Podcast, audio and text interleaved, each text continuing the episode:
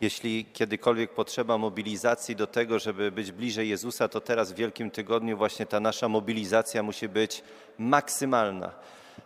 I dlatego właśnie dzisiaj rozpoczynamy Wielki Tydzień, żeby jutro, pojutrze i do środy spróbować zawalczyć o codzienną mszę świętą i żeby od czwartku wieczora zacząć święte Triduum Paschalne, czyli właśnie towarzyszyć Jezusowi podczas ostatniej wieczerzy. Przez to, że jest COVID i możemy się może nie dostać do kościoła, to od zeszłego roku mówimy o tym, żeby duży nacisk położyć na liturgię domową. Czyli żeby w domu spróbować odnaleźć tego Bożego Ducha, że nie tylko święte rzeczy się dokonują w kościele, a w domu wszystko to, co codzienne, ale żeby przenieść liturgię z kościoła do rzeczywistości domowej. I tak w Wielki Czwartek, proszę zobaczyć, wieczorem Pan Jezus spożywa ostatnią wieczerzę ze swoimi apostołami i obmywa nogi swoim uczniom. I mówi, skoro ja, mistrz i nauczyciel to robię, to wy też powinniście sobie nogi wzajemnie obmywać.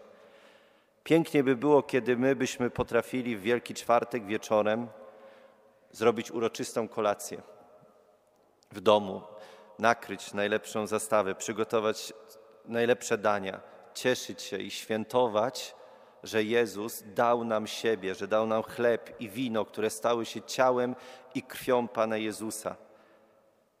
Pięknie by było, kiedy mężczyzna potrafiłby uklęknąć przed swoją żoną, dziewczyną, narzeczoną, dziećmi, umyć im nogi. Wzajemnie, żebyśmy potrafili obmywać sobie nogi, dosłownie. I nie bać się tego gestu miłości, bo jeśli Jezus nas tego uczy i pokazuje nam, że tak należy czynić, On, mistrz i nauczyciel, to czy co, coś wielkiego, kiedy my kochamy, kochające osoby, które kochamy na co dzień, z którymi żyjemy, kiedy my byśmy obmyli im nogi z miłością i pokazali: Jestem dla Ciebie, służę Tobie, chcę już do końca życia Tobie służyć i oddać za Ciebie moje życie. I po tej uroczystej kolacji, po tym jak obmyjemy nogi, szykujemy się do kolejnego dnia, właśnie Wielkiego Piątku, kiedy Pan Jezus umiera na krzyżu. I znowu wieczorem można nakryć tym samym uroczyście, tak samo uroczyście, piękna zastawa, yy, najlepsze talerze i podać tylko wodę i chleb. Żeby pokazać, że w ten dzień pościmy, że Jezus umiera. Postawić krzyż na głównym stole w domu i świece dwie.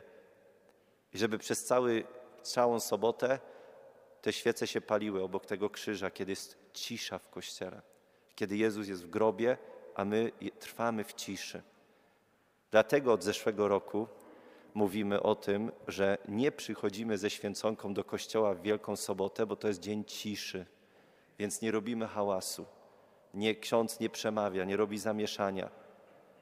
E, I chciałbym, żebyśmy my spróbowali to zrozumieć i edukować dalej i pokazywać dalej, że święconka nie jest w centrum Triduum Paschalnego i ona nie jest najważniejszym obrzędem, jest ona tradycją, którą przenosimy na niedzielę rano, kiedy będziemy spożywać właśnie wielkanocne śniadanie i kiedy najstarszy albo ten, którego wyznaczymy, przeczyta fragment Ewangelii, pomodli się i pobłogosławi te dary, dziękując za to wszystko, co mamy od Pana i to nie jest tak, że my niszczymy tradycję, tylko my podtrzymujemy tę tradycję, bo cały czas to samo szykujemy, tylko nie chcemy przychodzić do kościoła i robić tu zamieszania, kiedy Jezus jest w grobie, ale chcemy to uczynić w domu, w gronie bliskich. Właśnie podczas niedzielnego, uroczystego y, śniadania.